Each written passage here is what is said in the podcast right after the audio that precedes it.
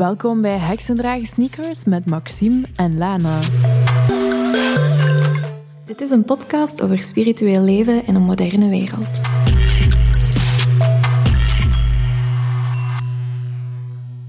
Hallo lieve mensen, welkom terug bij Heksen Dragen Sneakers. En deze maand hebben we weer een superleuke gast voor jullie in petto. We zitten hier samen met een life and spiritual coach, spreker, auteur van Envie and Morning Miracles en ook mama. Hallo Nathalie Janssens de Bistove. Goedemorgen, Goedemorgen. en Maxime. en onze eerste vraag voor u is, hoe is uw week geweest? Hoe gaat het met u? Ja, ik ben blij dat ik hier ben, dat ik eh, een keer een break heb in mijn week. Ehm, ja, het is een, een, een drukke week, week, geweest, zoals de meeste van mijn weken tegenwoordig als, als mama. En als uh, ja, werkende mama. En als iemand die daarnaast ook nog probeert een beetje een business uh, op te starten. Dus, een beetje een business, zegt ze. Ik denk dat je een serieuze business hebt. Uh, maar het is fijn, dus, maar het is wel, het is wel, wel een, een, een fijn drukke week geweest. Oké. Ja. Voor de mensen die u nu niet kennen, als je je zou moeten voorstellen in drie woorden, welke woorden zou je dan gebruiken? Ja, um, ik heb drie woorden in mijn hoofd, maar ze gaan misschien niet noodzakelijk de lading dekken van wat ik doe in mijn leven, maar ik denk dat je dat wel al in de intro hebt gedekt. Als ik mezelf in drie woorden moet omschrijven, dan zou ik um, beginnen bij wordsmith. Um, uh, ik ben van opleiding ook taal- en letterkundige. Ik heb altijd heel graag geschreven, heel veel met tekst bezig geweest. En ik kan daar ook zo oprecht gelukkig van worden als ik zo de juiste manier vind om dingen te zeggen of uh, woorden samen te plaatsen of als ik heel schone tekst lees. Dus ja, woorden en woorden vinden voor, voor dingen, dat vind ik heel fijn en dat maakt ook wel wie dat ik ben. Mijn tweede woord zou zijn cowboy. Uh, Oké, dat is een interessante wending. um, voor mij is dat een archetype dat ik voel dat heel erg in mij zit. dat is zo'n stukje het ongebonden in mij. En dat wringt een beetje met mijn uiterlijk, die er dan zo heel klein en fijn en, en lieflijk uitziet. Maar als je mij goed kent, dan weet je ook dat ik soms ook heel heftige woorden kan gebruiken. En ik, ik kan daar ook oprecht van genieten, zo dat gevoel van metaforisch zo, mijn cowboybotten aan te trekken en gewoon buiten de, buiten de nette lijntjes te stappen en buiten de regels en gewoon... Ja, en ik heb vroeger heel veel paard gereden en, en dat gevoel zo van op een paard te kruipen dat misschien wat wild is en dan zo meegenomen te worden daarin. En ook dat gevoel als je er dan afkruipt van, ik heb dat gedaan. Ehm, ja, dus dat, ik, ik herken dat heel erg in mijn leven. Ik ben een beetje een cowboy zo, uh, mm op veel vlakken. En mijn man zou zeggen, zeker in de wagen, maar ik denk dat dat beter gaat. Oké. Okay. Um, en mijn derde woord is um, wind. Um, omdat uh, eerst en vooral, uh, ja, ik woon aan de zee en ik kan ook heel oprecht... Sommige mensen worden daar heel uh, nerveus van, van veel wind, maar ik word daar heel rustig van. Ik vind het geweldig om zo met heel veel wind op strand te gaan wandelen. Um, ik ben ook iemand die surft, windsurft, uh, kitesurft. En dan is heel veel wind natuurlijk nodig. Dus dat is ook iets wat ik, voel dat dat heel essentieel is in wie dat ik ben, die wind. En ik heb ook onlangs nog een cliënt gehad die mij zei... En ik vond dat zo schoon verwoord, want ik herkende mezelf erin. Die zei, ik ben soms zoveel wind. ik maak zo, ben zo soms maar zij zei dat zo dat iets erg was. Terwijl ik dacht, wauw, dat is zo'n schone manier om jezelf te omschrijven. En eigenlijk herken ik mezelf daar ook in. Um, ik denk dat ik soms misschien een beetje druk ben voor mensen, misschien een beetje veel ben. Maar ik weet wel dat dat in essentie is voor een stukje wie dat ik ben. Allee, ja, je komt mij eigenlijk over als een heel rustige persoon. Ja, dus ja. Het is moeilijk om te plaatsen. Ja, um, ja dat klopt wel. Ik, um, ik denk dat ik um, heel erg verbonden ben waardoor dat ik, dat ik ook die rust misschien uitstraal. Maar ja, bij momenten ben ik heel... Ja. Een wervelwind. Ja, zeker. Een wervelwind en een cowboy. En in, in, in bepaalde dingen, manier waarop ik mijn leven al geleid heb. Mensen die mij al lang kennen, mensen die mij goed kennen, die weten dat dat... Ja. Maar ik denk wel, en dat vind ik zo het mooie, is... Je hoeft dat niet altijd dat hoeft niet altijd zichtbaar te zijn. Mhm. En daarom dat ik zeg, dat contrasteert een beetje met het uiterlijk dat ik heb, omdat dat er zeer ja, keurig uitziet. Maar ja, zo, mijn part-time job is niet zo keurig. en het is misschien zo een beetje een gekke vraag, maar wat is uw sterrenteken? Nu ben ik heel benieuwd. Maagd. Oké. Ja, maar ik ben een absolute leek op vlak van astrologie. Ook al vind ik het een heel interessant thema. Dus ik kan, ja, voor mij legt dat niet veel uit. Maar iemand die daar veel over af weet, was jij. Ja, nee, ik weet daar nu ook niet... eh, even disclaimer, ik ben geen astroloog. Ik ben gewoon Ja. heel erg geïnteresseerd in zo'n die dingen. Ehm maagd, dat is Virgo in het Engels, hè? Ja. Dan, dan zou je normaal gezien redelijk geordend moeten Ja, zijn. alles Kan dat? behalve. ja. Ik ken iemand die daar heel erg eh, niet mee akkoord zal zijn. Ja. Maar Ja. misschien zit er orde in je chaos. Ja, ehm, ik ben op... Dat is een beetje zoals perfectionisme. Hè. Mensen denken een, pe- een perfectionist, maar je bent nooit perfectionistisch over de hele lijn. Je Mhm. bent perfectionistisch op drie, vier vlakken en dan de andere dingen zijn zo whatever. En daar herken ik wel dan bijvoorbeeld eh, op vlak van mijn, mijn, mijn spirituele routine bijvoorbeeld, ben ik heel erg gedisciplineerd en Mhm. heel erg geordend, dat wel. Ehm, maar ja, ik ben iemand die zo... eh, eh, Ja, ik zou zeggen, I roll around in the mess. That's life. En Mhm. zeker nu dat ik kinderen heb, ja, ofwel kun je daar heel je leven aan betand over lopen, dat, dat het allemaal rommelig wordt, ofwel kun je daar gewoon in ontspannen. En, en ja, zo ben ik wel. Ja. Ideaal. Is er nog iets dat mensen echt over u moeten weten? Je hebt nu het platform hier. Wat wilt je dat mensen echt nog weten van u? Ja, eh, goed, dat is een, ehm, een moeilijke Veel. vraag. Ja. Ehm, ik denk het niet echt, behalve wat ik juist gezegd heb. Mhm. Ik denk dat die drie woorden echt wel omschrijven wie dat ik ben. En ik vind het wel tof om dat, om dat stukje cowboy erin te kunnen zetten. Nu, mensen die bij mij een workshop of zo volgen, of die bij mij in coaching komen, die, die, die voelen dat ook wel direct. En dat is ook vaak wat ik terugkrijg als feedback van... Ja, je bent, dat wilde zo. Hè. En ik weet op het einde na onze Guts and Grace-reeks, die ik eh, begin, allee, een paar maanden geleden heb gedaan, ehm, zeiden de deelnemers zo van... Ja, die, die werden zo vrijer en vrijer naarmate dat die reeks zo voorbij ging. En dan zijn ze, wow, als we, als we dat nog verder zouden blijven doen, weet je, dan zouden we allemaal stoppen met onze job en allemaal zo, weet je wel, totaal wilde dingen doen met ons uiterlijk. En ehm, ik vond dat eigenlijk wel een compliment. Mhm. Dus eh, Mooi. ja. Dus, dus misschien best een disclaimer bij jouw workshops. Ja, ja. je- Als je komt, get ready, omdat er, het wordt wild. ja. Ehm, je hebt eh, ook een nieuw boek dat er aankomt, Ja. Morning Miracles. Ja. Ehm, het gaat over ochtenden en hun magie. Ehm, Ja. Op Instagram zien we vaak dat je ochtenden begint met A Course in Miracles. Misschien eerst eventjes kort uitleggen wat dat, dat is. Ja, Eh, dus The Course in Miracles is een, een, een esoterische tekst. Het is eigenlijk voor mij mijn spiritueel handboek. Ehm, die, eh, ja, de, als ik het moet uitleggen, dan leg ik het eigenlijk altijd ehm, als volgt uit. Je hebt ehm, fysica, en dat zijn de wetten van de materiële wereld. Eh, en daar zitten wetten in zoals zwaartekracht en de wet van de versnelling en al dat soort dingen. En eigenlijk heb je voor de metafysica, de wereld voorbij het fysische, ook allerlei wetten. Hè? Eh, en dat zijn de wetten die wij doorgaans in de eerste tijd doorgekregen hebben via religie. Dat zijn dingen zoals eh, de gulden regel, doe niet aan een ander wat je aan jezelf niet wilt doen, enzovoort. En waarvan dat wij met z'n allen zeggen, ja, pff, die religie, daar zijn wij zo allemaal wel voorbij. En wij hebben heel veel van, die, van, die, van de kennis van die wetten gewoon voor een stukje losgelaten. En eigenlijk betalen wij daar zelf de prijs van. Hè? Want eigenlijk kun je dat een beetje vergelijken alsof je zou zeggen, goh, zwaartekracht, pff, ik geloof daar lijkt niet in, dat is zo niet mijn ding. ik vind dat eigenlijk niet zo wijs, ik ga daar, niet, ik ga daar geen rekening mee houden en zo je tas laten vallen en van tiende verdiep naar buiten stappen en zo. En dan denk ik, oh, het leven is precies zo Moeilijk. moeilijk. Het is like allemaal tegen mij. En dan denk ik, nee, maar je, nee, je houdt gewoon rekening met de wetten van. En, en eigenlijk is ehm, spiritualiteit, is dat metafysica. En dat is eigenlijk de kennis van de wetten van het metafysische. En hoe werkt dat? En je bent vrij om daar rekening mee te houden of niet in je leven. Net zoals dat je in principe vrij bent om met die fysische wetten ook rekening te houden of niet, als je dat zou willen. Alleen niemand doet dat, want dat is niet slim.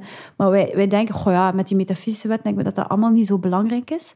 Ehm, en dus het punt is, als, hoe, hoe beter dat je ze kent, hoe meer rekening dat je ermee houdt in je leven. En hoe meer rekening dat je ermee houdt in je leven, hoe beter dat je leven gewoon begint te werken. En dus dit is voor mij het handboek dat ik gevonden heb, die mij daarin heel erg helpt. Waarom? Omdat je daar ook dat werkboek bij hebt, wat ik super aan, gemakkelijk vind, omdat je elke dag een les kunt doen. En dan maakt het heel gemakkelijk om daar een routine in te steken. Want er zijn heel veel boeken over spiritua spiritualiteit, spirituele wetten, die ook heel zinvol zijn. Maar behalve, ik weet nog, Ignatius van Loyola heeft ook zo'n set aan spirituele oefeningen uitgewerkt. Maar voor de rest ken ik weinig boeken die echt zo doorgedreven een werkboek en een praktisch luik hebben. Mhm. Dus dat maakt het voor mij heel gemakkelijk. Omdat dat spiertraining, hè, daar moet je elke dag mee bezig zijn. Uh, zeker voor mij, omdat ik in mijn coaching en in mijn therapie daar voortdurend op terugval. Dus ik weet dat als ik dat loslaat, dan, gaat, ja, dan worden mijn spieren zwakker en dan word ik minder sterk als coach, als therapeut.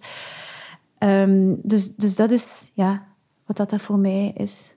Um, en hoe ben je daarbij terechtgekomen? Want het is een Amerikaanse tekst. Ja. Um, ik ken het persoonlijk ook via via, maar Ja. hoe ben jij daarbij terechtgekomen? Ehm, ik ben erbij terechtgekomen eigenlijk via um, Eckhart Tolle, dat ik Ja. een bepaald moment heel, heel lang gevolgd heb. En hij had ook zo'n, hij had een, ik weet niet of dat, dat nog bestaat, maar eh, op, het, is een- het is al tien jaar geleden, was er iets en dat heette Eckhart TV, Eckhart Tolle TV. Mhm. Dat was nog voor dat zo podcasts en zo bestonden. En... ehm, en dat was elke maand een, een, een, een soort van editie. En daar kreeg je altijd zo'n een, lange talk bij van hem. Het zij over een onderwerp, het zij met een gast. En dan zo kortere stukjes met vragen van mensen uit het publiek. En op een van die, eh, van die edities was Marion Williamson te gast. Maar ik kende haar toen eigenlijk nog niet. En dat gesprek met haar heeft zoveel bij mij wakker gemaakt. Omdat ehm, dat was de eerste keer dat ik zo enerzijds eh, vrouw zijn en, en een vrouw met ballen zijn en zo, weet je, dat- is dan dat, dat cowboy-stukje van mij, zo van bring it on, dat. Maar dan gecombineerd met zo de, de spiritualiteit en het mysticisme van, van iemand die heel religieus... Religieus is niet het juiste woord, maar echt zo die hele diepe spiritualiteit. Ik had dat nog nooit verenigd gezien. Voor mij waren dat tegenpolen. Ik dacht, als je daarmee wilt bezig zijn, dan moet je naar het klooster. En plots zag ik iemand die zei, absoluut niet. Je kunt dat eigenlijk echt wel combineren met een zeer westers en hedendaags leven en met heel veel vrouwelijkheid. En dat was echt een, enorme wake-up call voor mij toen. En zij sprak toen over Course in Miracles. En dan ben ik haar beginnen volgen en haar lezingen beginnen volgen. En van daaruit dacht ik, ja... Want zij hamert daar ook heel hard op. Hè, van, je mocht elke week naar mijn lezing kijken, maar als je niet het werk doet met het boek zelf, dan ga je de transformatie niet ervaren. En ik heb dat echt wel gemerkt. Van, door, dat, door die oefeningen te doen, zijn dingen in mijn denken echt veranderd dat je ja, met gewone therapie of coaching niet, niet kunt doen. En voor wie zou je zeggen dat A Course in Miracles dan precies is? Ehm, ja, goede vraag. In principe is het voor iedereen. Ehm, maar het, het heeft wel een, een, een zeer esoterische tekst. Het, heeft, het gebruikt ook eh, christelijke termen, ehm, waardoor dat sommige mensen het afschrikt. Eh, ik bedoel, het is niet... eh, allee, Marion Williamson zegt dat zelf. Hè, dat boek heeft geen monopolie op de waarheid. Hè. Je kunt het op veel verschillende manieren vinden. Wat ik er wel eh, opnieuw heel sterk aan vind, is mensen die willen aan de slag gaan met echt een doorgedreven spirituele routine, dan vind ik dit het beste. Maar wat ik wel meestal aanraad, is lees bijvoorbeeld A Return to Love, een terugkeer naar liefde van Marion Williamson ervoor, omdat dat zo'n beetje de... Dat is zo'n beetje een, een, een toegankelijke samenvatting van de belangrijkste principes daarin, zodanig dat je er...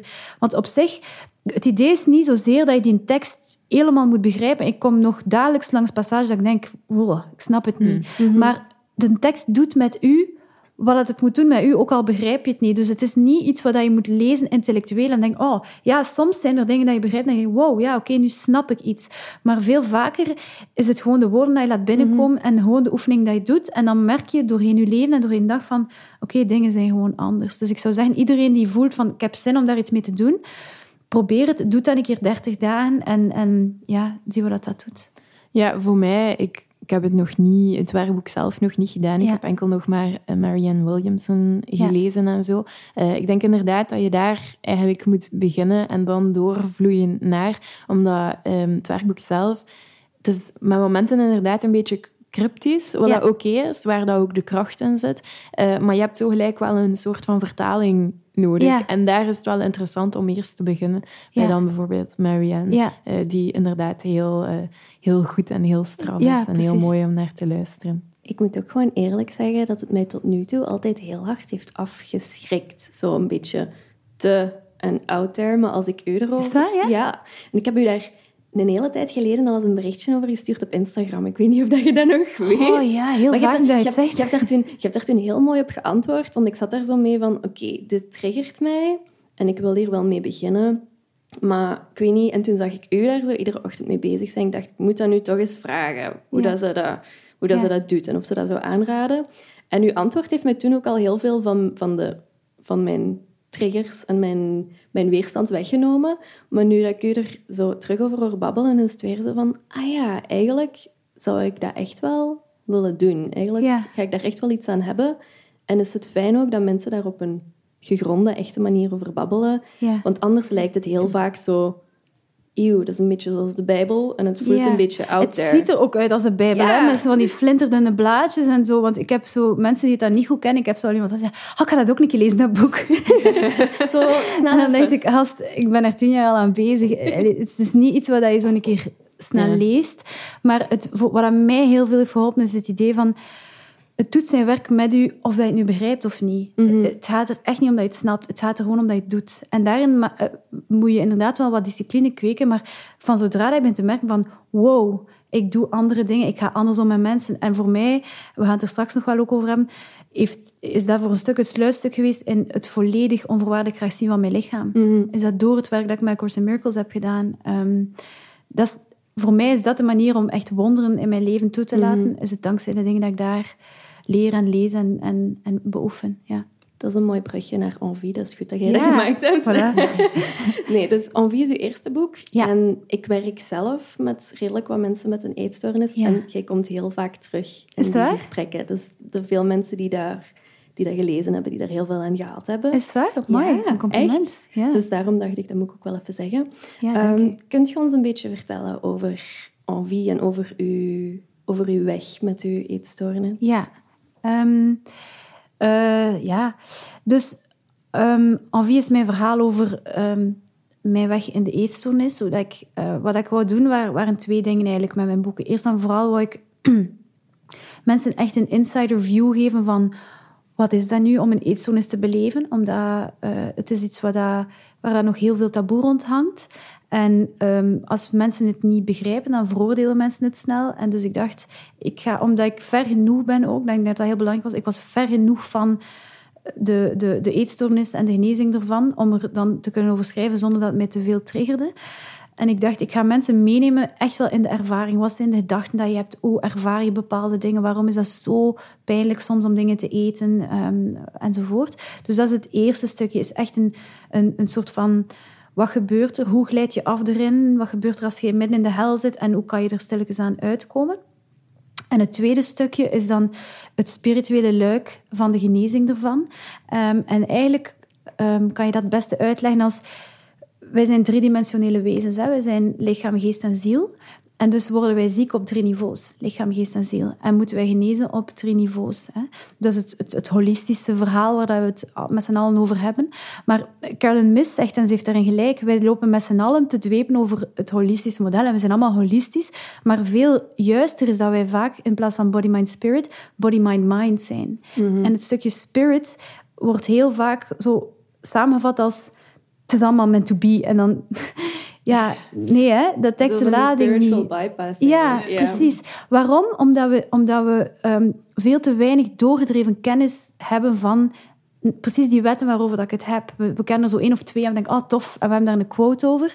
Maar we, we kennen het niet door, door grond. Ik spreek nu zeer veralgemeend, hè. dat is natuurlijk niet voor iedereen zo, maar... ehm, en dan spreek ik zeker in de context van psychotherapie, coaching. Heel weinig mensen hebben zelf heel diepgaand werk met spiritualiteit gedaan, waardoor dat ze niet echt kunnen beroepen op de fundamentele principes die daar van kracht zijn in, in het genezingsproces. Terwijl, en dan kom ik terug bij mij, dus we zijn op drie niveaus ziek. Dus je moet ook op die drie niveaus werken. Je moet ook op het lichaam werken. Je moet ook op het mindstukje werken. Maar je moet ook op het stukje ziel werken. En dat is de, het, het sluitstuk van je cirkel. En heel vaak komt dat sluitstukje er niet bij, waardoor dat mensen niet genezen. En dan heb je in de maatschappij zo het idee van, oh ja, een eetstoornis, dat moet je leren managen. En dat is zo'n vergiftigend idee, maar dat leeft wel. En heel veel mensen hebben ook dan niet meer verwachtingen van, je moet het leren managen. Maar als je er het spirituele luik bij neemt, dan is het veel meer dan managen. Dan kom je echt, dan heb je het wonder van, ik zie mijn lichaam onvoorwaardelijk graag. Waar ik vandaag in, in sta. En dat is echt op een bepaald moment, ik kan het me nog heel duidelijk herinneren, ik stond in de badkamer en ik dacht, het is weg. Het is gewoon weg. Er is geen stukje van mij die nog iets van mij zou willen veranderen of die vindt dat dat niet goed genoeg is. En dat is niet meer of niet minder dan een wonder.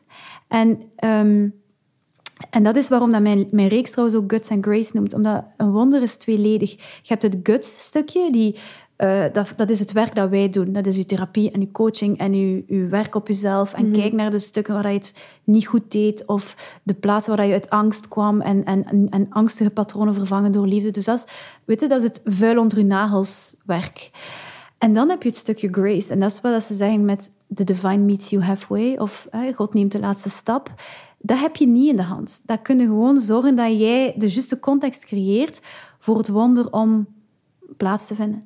En dat is heel het spirituele luik eraan, die jammer genoeg, uh, merk ik, te weinig uh, ingang vindt in zeker psychotherapie en mhm. coaching, waardoor dat mensen vaak niet helemaal genezen. Ehm, ja, ik denk alles wat je nu vertelt, je vertelt vanuit een context van eetstoornissen. Maar ik denk dat het ook veel breder gaat dan dat. Want gewoon in die spiegel kijken, je moet geen eetstoornis hebben vaak zijn er heel veel mensen die, die, die niet gelukkig zijn met wat ze dan in de spiegel zien. Uh, dat gewoon collectief, dat we daar nog heel veel werk... Uh, en dat we daar dat luikje inderdaad misschien wel missen. Um, die, die context, die spiritualiteit, die breder gaat dan onszelf. En ook dat surrenderen, want dat is meestal wat ik ga gebruiken, van dat je het laatste deeltje niet zelf hoeft te doen. Ja, precies. Dat is ook iets dat heel moeilijk is in onze maatschappij, omdat we heel vaak aangeleerd krijgen dat we voor alles zelf verantwoordelijk zijn, mhm. dat we alles zelf moeten doen, dat we, um, als we iets verkeerd doen, dat dat ons, ja, onze verantwoordelijkheid is om dat te fixen en zo. En dat loslaten is iets wat we totaal niet geleerd krijgen. Ehm, en dat is iets wat ik ook heel vaak herhaal aan mensen die die vraag stellen bij mij, van laat gewoon los. En op het tempo dat het gaat moeten, op het moment dat goed is, gaat er plotseling iets gebeuren. En dat is ontzettend mooi als je dat kunt al loslaten. Maar het is iets dat volgens mij nog heel veel tijd vraagt aan mensen om dat aan te leren. Of hetgene wat ze fout hebben aangeleerd af te leren. Ja. Af te leren. Dus ja. Dus zoals dat... Um, ik denk dat Marion Williamson was dat ik ooit heb horen zeggen. Die zei... Um, This is not self-help. Because yourself is the problem. En, en dat, is het, ah. dat is het idee al heel vaak. Is dat je kunt, en zij, zij refereert dan heel vaak naar, um, ik denk dat Einstein is, die zegt, je kunt een probleem niet oplossen op hetzelfde niveau waar dat het probleem zich gecreëerd mhm. heeft. Dus je hebt eigenlijk een, een hoger niveau nodig. En dat is, ik, ik vond dat heel herkenbaar als ik in mijn eetstoornis zat. Hè, mensen zeggen dan, ik zeg dat ook vaak zo van vertrouw gewoon op jezelf. En dan dacht ik, why? Er is absoluut niets in mij waar wat ik, dat ik nu zou willen vertrouwen op mezelf. I'm, I'm a big mess. Mhm. Maar als iemand mij zei, vertrouw dat er een hogere macht is, die um, van een bloem een dingen maakt en van een embryo een baby en al dat dingen, ja, daar zou ik dan misschien liever in vertrouwen dan zo in mijn kleine zelfje die mij om zoveel aanvalt. En, en, mhm.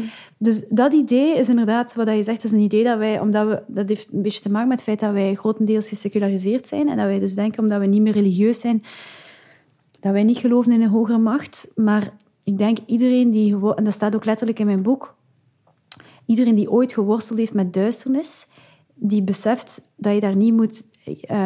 Ehm, moet daar niet lullig over doen. Hè? Ik heb dat deze week nog in mijn praktijk gezet. Ik ga niet een tasje thee drinken met je duisternis. Hè? Dat is evil in its purest form. Je moet daar niet lullig over doen. Maar niemand... Je moet het eerst heel dichtbij gezien hebben voordat je het zo serieus neemt. En dat is ook wel soms wat ik ervaar met, uh, in de wereld van coaching en psychotherapie. Dat we er allemaal zo... Uh, nee, hè? ik bedoel, een eetstoornis is evil. En dat wilde echt niet lichtzinnig overgaan. Mm -hmm. ja. Wat zou je mensen nu als belangrijkste tip geven die struggelen met eten of een eetstoornis? Ehm, ja, dat is, dat, is een dat is een moeilijke vraag natuurlijk, omdat het, er zijn zoveel verschillende um, onderdelen in een eetstoornis en in elk stukje. Um, maar als je mij vraagt wat is het belangrijkste tool dat, dat ik denk dat wij tot onze beschikking hebben voor voor de genezing, is dat je, dat je heel goed begrijpt dat je eetstoornis angst is. Dat, het is niet meer of niet minder dan dat. Eetstoornis is een vorm van angst. En dus mhm. gaan kijken van, oké, de momenten... Want een eetstoornis is ook iets wat opflakkert. Hè? De, op momenten is het meer, dan weer minder, en dan weer meer. De momenten dat het opflakkert, zijn momenten dat we heel erg angstig zijn. De beste manier om daar dan mee om te gaan, is om jezelf liefde, veiligheid te geven, op welke manier dan ook. En dus ehm, in plaats van, wat mensen heel vaak doen, is ik moet eten, dan, dan zit er nog meer in dat, in dat push en in dat, in dat duwen en in dat angstige. Vertrouwen als je gewoon jezelf um, terugwandelt naar liefde, dat je van daaruit spontaan en natuurlijk jezelf graag gaat willen zien en jezelf goed gaat willen voeden. En dus dat is altijd de, de weg dat je moet afleggen van oké, ik ben angstig, ontdekken van oké, wat zijn de gedachten die ik heb die mij angstig maken? Hoe kan ik andere gedachten beginnen kiezen, stel ik eens aan? En hoe kan ik op dit eigenste moment mij um, rustiger voelen? En dat kan zijn door uh, een boek te lezen waarvan je weet dat dat u terugbrengt naar liefde. Of um, een podcast te luisteren, zoals Heksen draaien sneakers of andere dingen. Uh, of iets op YouTube te bekijken of te bellen naar iemand waarvan je weet, ja, die helpt mij altijd terug. Dus dat is het, het altijd, de weg is altijd dezelfde, terug van angst naar liefde. Totdat dat zo automatisch wordt, dat dat eigenlijk geen um, inspanning meer vergt. Mhm. Ik vind het heel mooi dat je dat nu zegt, want ik zelf heb het ook ontzettend moeilijk met eten. En angst en liefde, heel dat concept, ken ik. Maar toch, als ik moeilijke momenten heb, ga ik gewoon stoppen met eten. En dan ga ik altijd forceren van, en nu moeten eten. En ook iedereen rondom mij weet al van, als ze stopt met eten, gaan we gewoon allemaal zorgen dat ze eet. Ja. Maar ik heb er nooit bij stilgestaan om dan gewoon niet te focussen op dat eten. Ja. En effectief te gaan gewoon iets doen wat je graag doet. En te gaan kijken van, ja, wat heeft dat nu getriggerd? Dus dat is super raar, want uiteindelijk ben ik daar dagelijks mee bezig. Maar het feit dat je dat hier nu zegt, dus bij mij is zo'n klik van, ah ja, oké. dus ja, ik vind het heel fascinerend. Dank je wel daarvoor. Ja, de Course in Miracles zegt, the body heals when you're not looking at it. En dus alles wat wij denken dat een, een, een, het, het issue is, is meestal nooit het issue. Dat is gewoon het symptoom. En dus het issue is altijd angst of liefde. En, en dan ga je merken, want dat is zo, angst zet zich op je maag ook, hè. Dan heb je ook mhm. soms letterlijk geen honger meer enzovoort. Dus het beste dat je kunt doen is jezelf terug naar liefde brengen. Ja. Hoe zou jij spiritualiteit omschrijven voor jou? Um, dus in mijn leven is dat um, eigenlijk het, het belangrijkste um, referentiekader van waaruit ik de wereld bekijk. dus ja, het is hoe ik de wereld begrijp. Het is mijn lens op de wereld. Dat is wat het voor mij is. Het is mijn veiligheid ook. Het is daar waar ik um, altijd naartoe terugtrek als ik, um, als ik angstig ben, als ik niet goed weet waar ik naartoe moet. Dan heb ik allerlei tools die ik weet dat ik kan gebruiken. Zoals bijvoorbeeld in The Course in Miracles heb je die, die zin die zegt... I am willing to see it differently dat soort kleine zinnetjes. En bijvoorbeeld in je lichaam is dat heel belangrijk. I am willing to see my body differently. Ik ben bereid om mijn lichaam gewoon anders te zien. Want nu zie ik het nog totaal verblind door angst. En ik zie allerlei dingen die er niet zijn. Ik zit vast zo in mijn nachtmerrie en ik weet niet hoe dat ik er zelf uit moet. Daar komt weer dat stukje bij dat je op je eigen niet moet doen. Maar je kunt wel altijd beroep doen op een hogere macht die, die je dan helpt om het anders te gaan zien. En dan merk je dat je perceptie echt wel verandert. Course in Miracles beschrijft ook wonderen als een shift in perceptie. Mhm. En dat klinkt zo simplistisch, maar we denken, hoe een wonder en dan een shift in perceptie, dan denkt een anticlimax. Maar eigenlijk absoluut niet. Want beeld je een keer in dat je je lichaam gewoon, wat dat totaal niet gewoon is, maar gewoon graag zou zien. Wat een, wat een aardverschuiving dat dat zou teweegbrengen. Ja, dat is een mirakel. Hè? Ja, dat is een mirakel. En dus, dus, dus allez, voor mij is, is, is uh, opnieuw spiritualiteit mijn basisveiligheid geworden. Het is de manier waarop dat ik um, ontdekt heb dat alles wat dat je nodig hebt zit in jezelf. Waarmee dat je niet in een soort van houding komt van oh, dus al de rest is niet belangrijk. Nee, maar je komt niet meer zo vanuit een soort van mankend, cabinodig mm soort van attitude. Veel meer van laat ons zo samen jiven. En, en, en je bent veel minder reactief. Um, als ik kijk naar, uh, als, als mensen mij vragen, want ik geef ook wel wat lezingen van wat is spiritualiteit, hè, hoe moet ik het uitleggen, dan um, grijp ik meestal terug naar het verhaal van de metafysica. En spiritualiteit eigenlijk als wetten voor, uh, in het Engels zou zeggen right living en right livelihood. En hoe ziet dat er dan uit concreet? En die zijn van toepassing op alle vlakken van uw leven. Ja. -hmm. Jij werkt nu als coach, je bent een schrijver, je bent een spreker, je bent een mama. Er is een hele lijst van dingen. En ik probeer ook nog een beetje een partner te zijn voor iemand. Ja, zo, al die dingen. Zo. al die dingen, hoe combineert je dat? Hoe, hoe werkt dat in je leven? Ja, we willen het echt weten, we snappen het niet. Leg het ons uit. het eerste is, het werkt niet altijd. Hè? Dus ik mm. loop ook wel regelmatig niet tegen de muur. Um, um, een van de dingen, en dat is zo wonderlijk aan, het, aan, aan mensen, is dat um, wij zijn zo, tot zoveel in staat. Dus mm. you always find a way. dus dat is het eerste wat ik merk. Ik zou, als ik nu zie wat ik doe, en hij ging me dat vijf jaar geleden zeggen, dan zou ik zeggen, no way, dat, dat ging niet. Maar op een of andere manier, ja, you find a way. Dat is het eerste. Is dat als, eerst en vooral als belangrijk genoeg is, dan vinden een weg. En het voordeel is bijvoorbeeld mijn spiritualiteit, mijn spirituele routine. Tegen de tijd dat ik kinderen kreeg, was dat, had ik ondertussen wel begrepen, oké, dit is uw basis. Als je dat gaat wegnemen, dan gaat de rest allemaal niet meer werken. Dus dat was al, dat, dat al de plaats in mijn leven van, oké, dit is niet onderhandelbaar. Dat is zo een van die non-negotiables in mijn leven. Uh, dus dan vind je gewoon een manier om dat te doen. Al is dat zoals dat er vandaag uitziet, mediteren in de Course in Miracles, terwijl mijn, mijn kleine Maurice aan mijn, mijn pyjama-pijp zit te trekken en zo. Maar je weet dat, en dat is iets wat je in de Course in Miracles ook leert, your willingness is everything. Het feit dat je bereid bent om daar elke dag opnieuw, like, of dat jij op je meditatiemat elke morgen opnieuw gaat zitten, ook al heb je geen hoesting, ook al heb je een klein die aan je haar zit te trekken, maar je zit er wel. En dat is eigenlijk voldoende om de shift te doen. Ehm, dus dat is het eerste, gewoon, een, een, ja, gewoon geloven dat dat, dat, dat lukt wel. Hè. Dat lijkt um, misschien zeer indrukwekkend, maar dat, gaat wel. Je past uiteindelijk aan alles aan. Het andere is dat je, denk ik... Um, uh, ik denk dat mijn, um, mijn spirituele gegrondheid daar ook heel erg in geholpen heeft.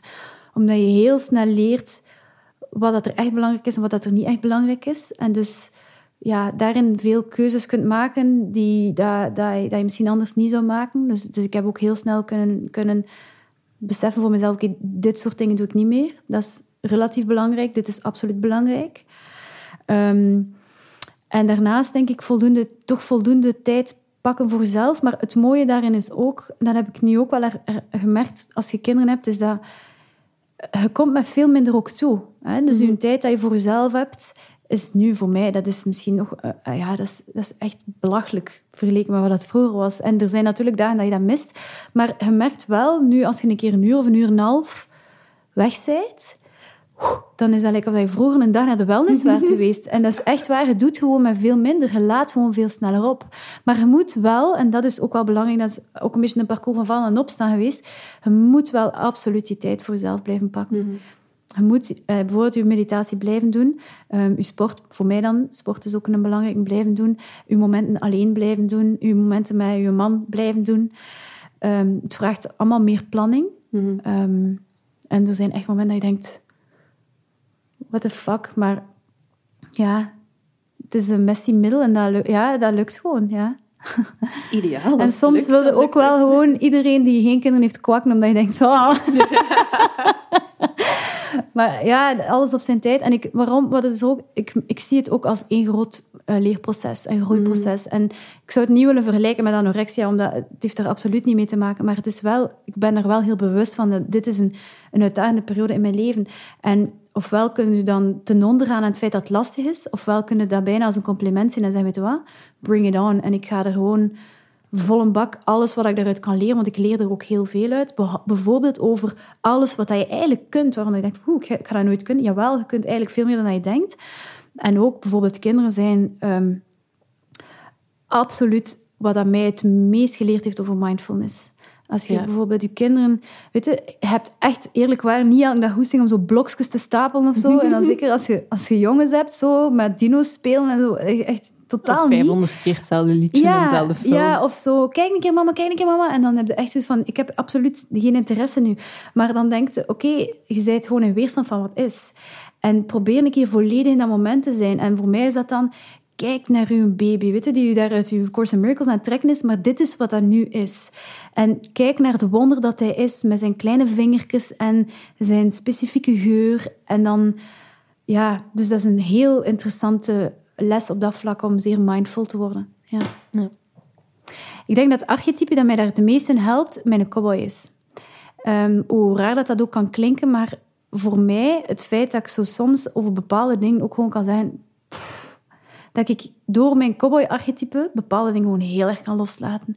Dat ik absoluut niet um, op zoek ben om een Pinterest-mama te zijn. Ook al zijn er waarschijnlijk heel veel heel goede Pinterest-mama's, maar het is niet wie dat ik ben en ik ga me niet uitputten aan het proberen de perfecte lunchbox te maken. Of ehm, nee, ik ben gewoon soms heel wild en ook met mijn jongens. En soms trek het er echt niet op. Hè. En, en, en, maar ik kan daar echt ook gewoon diep plezier in vinden. En ik merk, en dat is heel schoon, ik merk dat mijn jongens daar ook zo...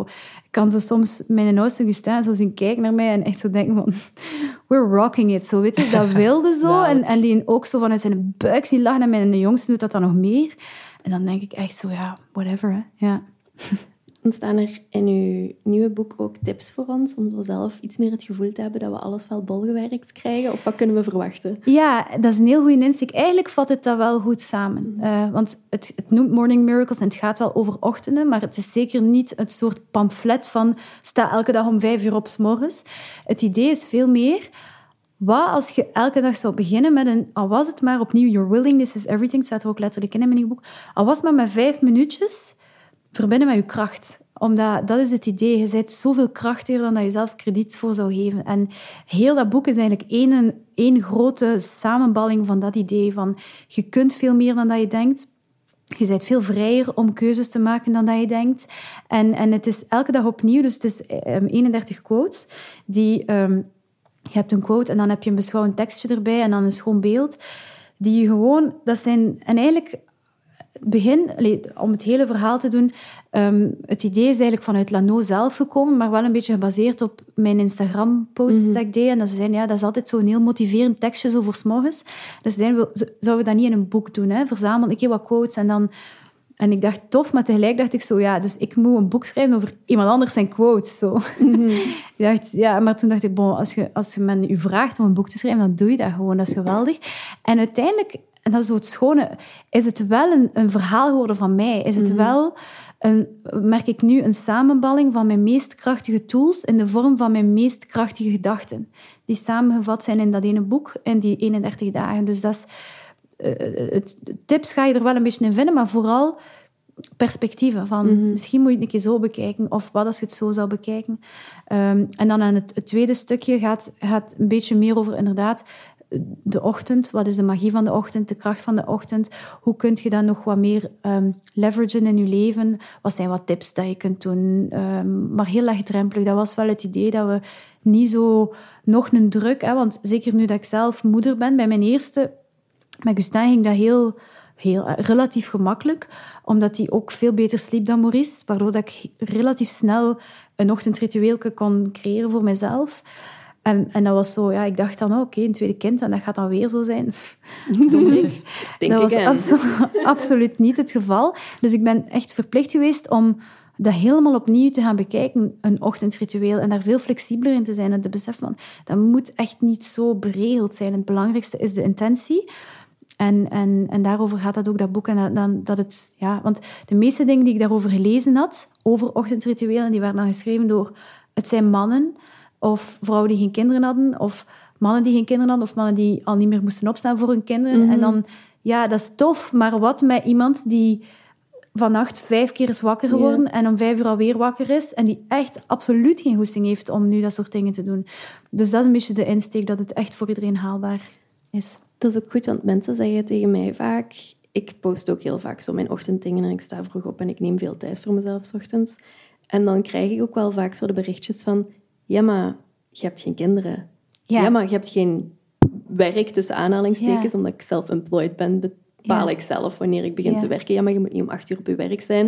Je hebt geen gezin, je hebt, je, hebt, je hebt makkelijk praten. Dus vanaf nu kan ik gewoon zeggen, kijk, het kan wel. Ja, absoluut. Uh, het, is, ehm, het is een heel gemakkelijk excuus. Mhm. het is, allee, heel gemakkelijk is niet... Ik bedoel, ik heb het zelf ook wel gedacht. Hè, zo van, ja, als je geen kinderen hebt, is het gemakkelijk. Maar opnieuw, als je beseft hoe belangrijk dat, dat is en hoe mhm. potentieel waardevol dat, dat is voor u you find a way. En het is gewoon een manier. Maar het is heel interessant om te zien hoeveel weerstand dat wij hebben oh tegen dingen die goed zijn voor ons. Hè?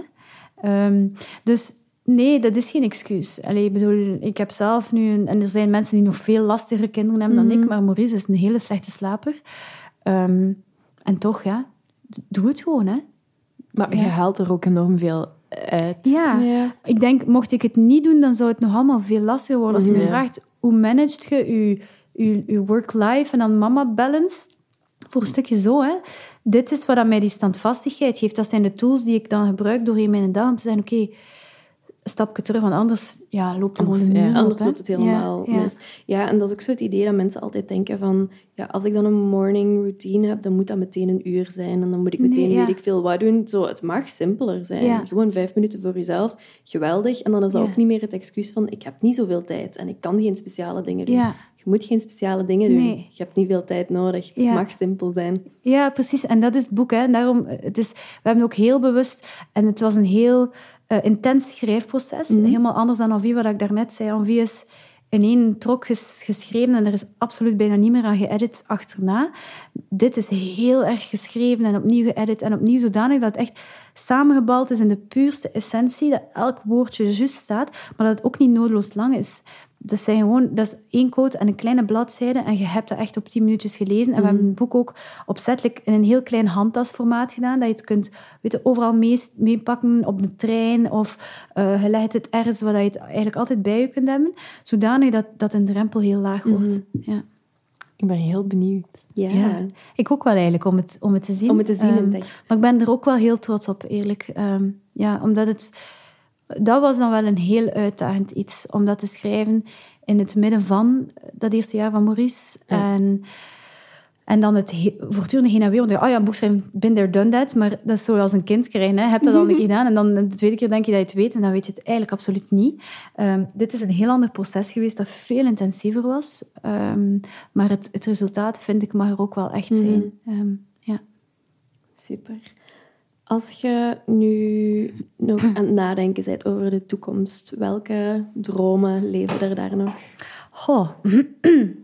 Eh, ik heb heel grootse en wilde dromen. Um, Mooi.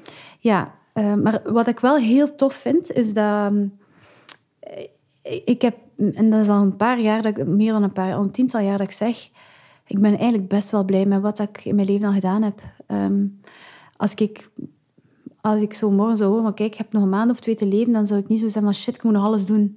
Ik heb zo het gevoel van, ik heb eigenlijk echt al wel heel intens geleefd. En daar is die een cowboy ook weer. Hè. Ik ben op een bepaald moment zeg, weet je wat, hier, trap hem af. Ik heb mijn job, ik was nog een journalist bij de Morgenhub opgezegd.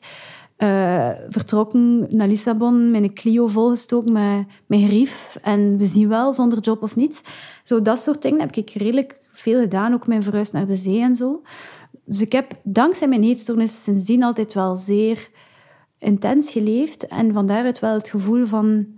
Oké, als ik nog een aantal achievements erbij kan hebben, zo goed. Maar het gaat niet veel meer veranderen aan het feit dat ik het gevoel heb van... Ik leef. Mhm. En ik denk dat dat is het ding wat wij hebben met doelen. Is je het gevoel hebben dat je leeft en dat je iets van je leven aan het maken bent.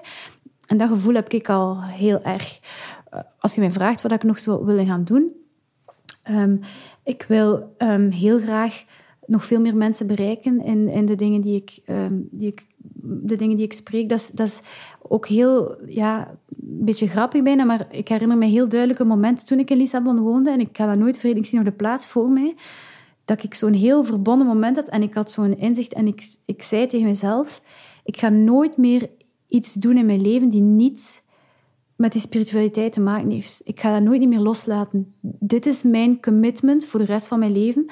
En het is wel tof om te zien dat sindsdien dat dat eigenlijk ook altijd wel gebleven is. Dat is, dat, is nooit niet meer weggegaan. Um, en dus ik merk dat als ik zo beloftes maak voor mezelf, dat, ik die, dan, dat die op een of andere manier altijd ook wel er komen.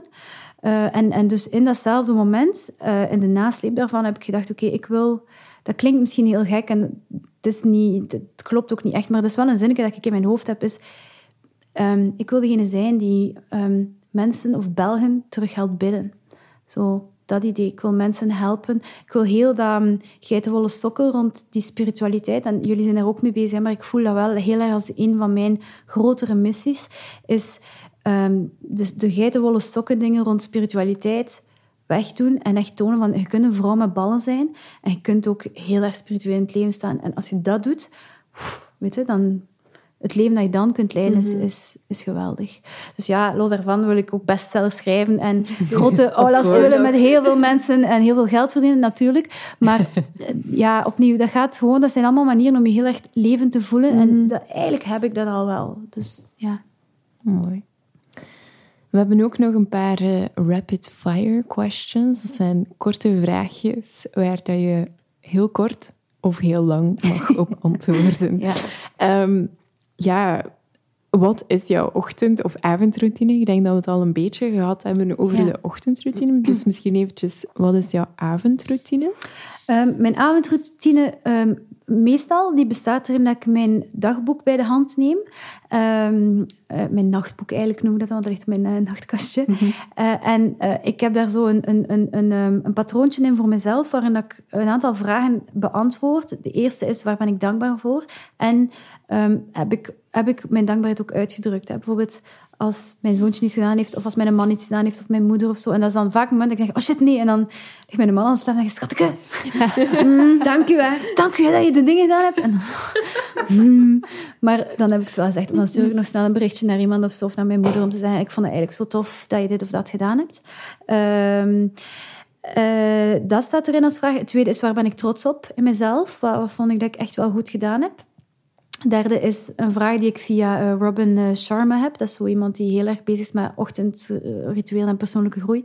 Ehm, eh, waar ben ik een merchant of wow? En die heeft zo'n een term, en dat is de merchant of wow, waar dat je echt zo wow verkocht, allee, verkocht hebt. Bij, je echt zo voelde van, oké, ik heb iemand gewowd zo vandaag. Ehm, dat is een vraag die ik mij altijd stel. En het leuke is, als je elke dag die vraag stelt, dan komt ook wel elke dag met een antwoord. De ene keer is dat groter dan een ander, maar het is wel een heel toffe vraag. Zo. En dan zeg ah ja, dus eh, dat. Ehm, het andere is, en dat is omdat ik nu heel in mijn leven momenteel heel specifiek bezig ben, ook met het stukje financiën en hoe ga ik mijn abundance nog groter maken. Eh, en een van de dingen is dat ik eh, vanuit, ehm, oh, hoe noemt hij weer? Dave, ik weet niet wie, die zegt, als je elke dag een euro kunt sparen, dan zijn je op tien jaar wel heel rijk. En los van het feit, eh, dat idee van die reflex van waar kun je zo de kleine dingetjes waar je kunt op uitsparen, ja, dat op de- in time it builds up. En ik merk wel dat dat ook gewoon een soort van attitude creëert in u, waardoor dat je wel een beetje meer bewust met geld omgaat, die bij mij wel niet slecht is om, om te cultiveren. Dus dan staat mij elke dag de vraag, waar heb ik een euro gespaard? Eh, en dan eh, de laatste is, waar heb ik, waar heb ik ehm, gediend? Waar was ik ehm, echt aan het dienen? Waar was ik of service? Waar was ik giving en niet taking? En dat zijn zo de drie vraagjes dat ik stel. En dan soms eh, ga ik van daaruit nog even een meditatie, maar sowieso, van het moment dat ik mijn ogen sluit, dan doe ik altijd wel een gebed van ja, de dingen dat ik dankbaar voor ben, dingen dat ik in de handen van God wil plaatsen, situaties die moeilijk zijn geweest, of heel vaak cliënten ook. Ik zeg, oké, weet je, stuur daar een keer ehm, wat zachtheid of wat Engels naartoe. Of, en ik weet dat dat werkt. Ik, ik merk dat dat werkt. Dus zo ziet mijn avondritueel eruit. En ik lees ook altijd fictie nu, tegenwoordig. Omdat ehm, ik werk heel vaak nog s'avonds. Dus ik ben vaak tot negen uur aan het werken. En ik moet er meestal om 9 uur 30 in liggen, want mijn dag begint heel vroeg met de kids. En een van de snelste manieren voor mij om uit te schakelen is fictie. Dus eh, dat zit er meestal ervoor nog ook altijd bij. Mooi. Ehm, wat is je mantra of je slagzin? Mijn mantra of slagzin draag ik eigenlijk op mijn armband. En die heb ik gekocht sinds dat ik mijn zoontje Gustin heb. En daar staat op, do it anyway. Ja. En dat is mijn ding, do it anyway. Eh, omdat, zeker als je kinderen hebt, kun je elke dag met 20.000 excuses afkomen van ik kan niet gaan sporten en ik kan niet mediteren en ik kan er niet meer mooi uitzien of ik kan niet meer gelukkig zijn of ik kan de job van mijn leven niet doen of ik kan niet op vakantie gaan. En doe het gewoon. Doe it anyway. Ook al zijn moe of ook al zijn verdrietig of ook al hebben een klotendag of ook al... Weet je, ik heb dat vaak ook... Allee, vaak. Ik heb dat soms wel in mijn praktijk. En dat is zo'n vraag die ze ooit een keer aan Tony Robbins hebben gesteld van... Dat is natuurlijk zo hè, de man van de, van, de, van de motivatie en zo. Heb je nooit een keer een slechte dag? En die gasten... Natuurlijk, ik bedoel, ik ben een mens. Hè. Of course I have bad days. Maar dat is zo'n beetje die, eh, die, die, die topatleten mindset. Zo van, it's a bad day to have a bad day. En, weet je, en daarin vind ik coaching ook wel heel tof. Is dat show up anyway. Ehm, doe het gewoon. En dan, dan, dan merk je dat ja, dingen, je kunt vaak veel meer dan dat je denkt. Hetzelfde met, met projecten of dromen of zo. Dat is iets wat ik eigenlijk altijd wel gehad heb. Ik heb een project opgezet voor onderwijs een aantal jaar geleden. En ehm, ik heb dat denk ik heel erg te danken ook aan mijn opvoeding. Ik heb ouders die dat ook altijd zo... ah, doe maar en doe vooral wat, dat je, wat dat je hart ligt en zo. Dus ik, heb, ik ben heel snel als ik een idee heb om te zeggen, oké, doe het gewoon. Zet je school op, zet je dingen op, schrijf dat boek. En wie heb geschreven zonder enig zicht op contract. Doe het gewoon for the sake of doing it. En, en dan vertrouwen hem dat ik, schrijf dat ook in mijn nieuw boek, je dromen zijn niet in je hart struikel toevallig of zo. Hè. Zo van, oh shit, wat doe ik hier? Die zijn daar heel intentioneel geplaatst. En je hebt altijd de keuze om van daaruit te leven of niet. Maar het punt is ook niet, wordt het een succes? Dat is waarom dat ik denk dat ik het gevoel heb dat ik al heel erg geleefd heb. Omdat niet alles, lang niet alles wat ik gedaan heb, bijvoorbeeld mijn, mijn Lissabon-expeditie, is niet noodzakelijk wat je een succes zou kunnen noemen. Ik was bankroet dat ik terugkwam en mijn hart was in 20.000 stukken gescheurd. En dus in termen van de wereld was dat niet echt een succes. maar ik heb het gedaan en en en that's what mattered. Ehm, dus dat is mijn mantra. Mooi. Um, we hebben ook nog altijd een tip van de week uh, die we graag delen. Uh, wat is jouw tip van de week? Um, mijn tip van de week is eigenlijk als je um, als je slecht voelt of je voelt je ja, kloten of het lukt allemaal niet, doe iets voor een ander. Uh, dat is iets wat ik vind dat heel veel helpt en wat ik heel vaak in mijn praktijk ook zeg. Is als, als, we, als het slecht gaat met ons, dan hebben we zo de neiging om te gaan navelstaren. En, en, en, en, en waarmee dat ik niet zeg dat er niet legitiem ook een plek is om na te denken over zelf en stil te, staan bij dingen en te reflecteren over dingen. Maar um, een van de snelste manieren om uit je eigen bullshit vaak te geraken, is door te denken, kan ik iemand anders een compliment geven? Of kan ik een keer bellen naar iemand? Of kan ik iemand zie passeren op sociale media echt een keer ja, bekrachtigen? Omdat spiritueel zien is er geen verschil tussen u en de ander. Dus als je iemand anders liefde geeft of versterkt, is dat de beste manier om jezelf ook te versterken. En het is vaak een discours dat we, vind ik, soms nog te weinig horen. Zo het, het idee van, het is niet allemaal over u. En dat vind ik ook weer bijvoorbeeld zo waardevol aan kinderen hebben. Is dat plots kan het niet meer allemaal over u gaan. En ik merk wel dat je ik vond dat in het begin moeilijk, maar tegelijk ook heel bevrijdend dat je niet meer altijd het middenpunt bent van alles. Want plots heb daar één en twee mannetjes die al je aandacht opeisen. En ik vond dat heel bevrijdend dat je niet meer heel de tijd met jezelf bezig was, maar ook jezelf vaak moet wegcijferen. En dan merken van, veel dingen lossen zichzelf eigenlijk ook wel op. Um, dus dat is mijn tip van de week. Heel mooi. Uh, je wel voor alle fijne tips en het mooie gesprek. Het belangrijkste eigenlijk nu nog, wat kunnen mensen voor jou doen? Ja, Um, wat dat je voor mij kan doen, is uh, ja, mijn boeken kopen. Uh, dat is altijd fijn. En uh, zeker als je ze koopt en je vindt mooie dingen erin of je wilt dingen delen daarvan, dat vind ik heel tof als ik dingen zie passeren op, op sociale media, waar dan mensen stukjes uit mijn boek of, of mijn boek zelf delen. En los daarvan mijn Instagram-pagina volgen, mijn vlogs bekijken. Ik heb ook een, een, een YouTube-kanaal waar dat ik eigenlijk de dingen van A Course in Miracles probeer te vertellen op een heel... Um, down-to-earth manier. Ehm, dus dat zijn twee dingen die mij heel erg veel plezier zouden doen. Oké, we gaan uh, dan ook alles uh, waar de mensen jou kunnen volgen en jou kunnen vinden, gaan we allemaal in de show notes zetten. Dank u wel. En als je nu net zoals wij heel, um, heel benieuwd bent, dat was het woord, kwam er even niet op. Als je nu net zoals wij heel benieuwd bent naar het nieuwe boek, we gaan ook een kopie van het boek weggeven. Superleuk.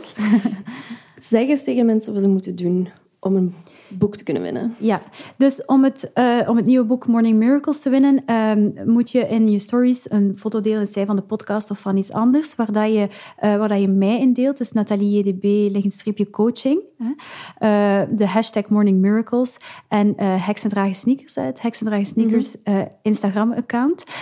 en ook mijn account volgen. Um, en um, als je al die dingen doet en nog iemand erbij taggen die je denkt die het, het boek um, die wel iets zou kunnen hebben aan het boek. Iemand waarvan je denkt, oh, die kan misschien wat meer zelfvertrouwen gebruiken of die heeft zo een schop onder haar hat nodig om haar project te lanceren of om haar een droom te doen. Het is een ideaal um, cadeau voor de kerstdagen, denk ik, uh, om het nieuwe jaar mee te beginnen. Um, dus volg mij. Um, tag Heks en Dragen Sneakers, tag mij, tag de hashtag Morning Miracles en tag iemand uh, aan wie dat je boek heel graag zou willen geven. En dan um, geven wij er um, heel binnenkort eentje weg. Voilà. Super. Alles wat we vandaag besproken hebben, alle info, alle links naar Nathalie gaat je kunnen vinden op de show notes. En die staan tegenwoordig op www.heksendragensneakers.be. Dank jullie wel allemaal om te luisteren. Dank je wel Nathalie dat je erbij was. En volgende week gaan we het hebben over potions en welke potions wij zelf gebruiken. Tot dan.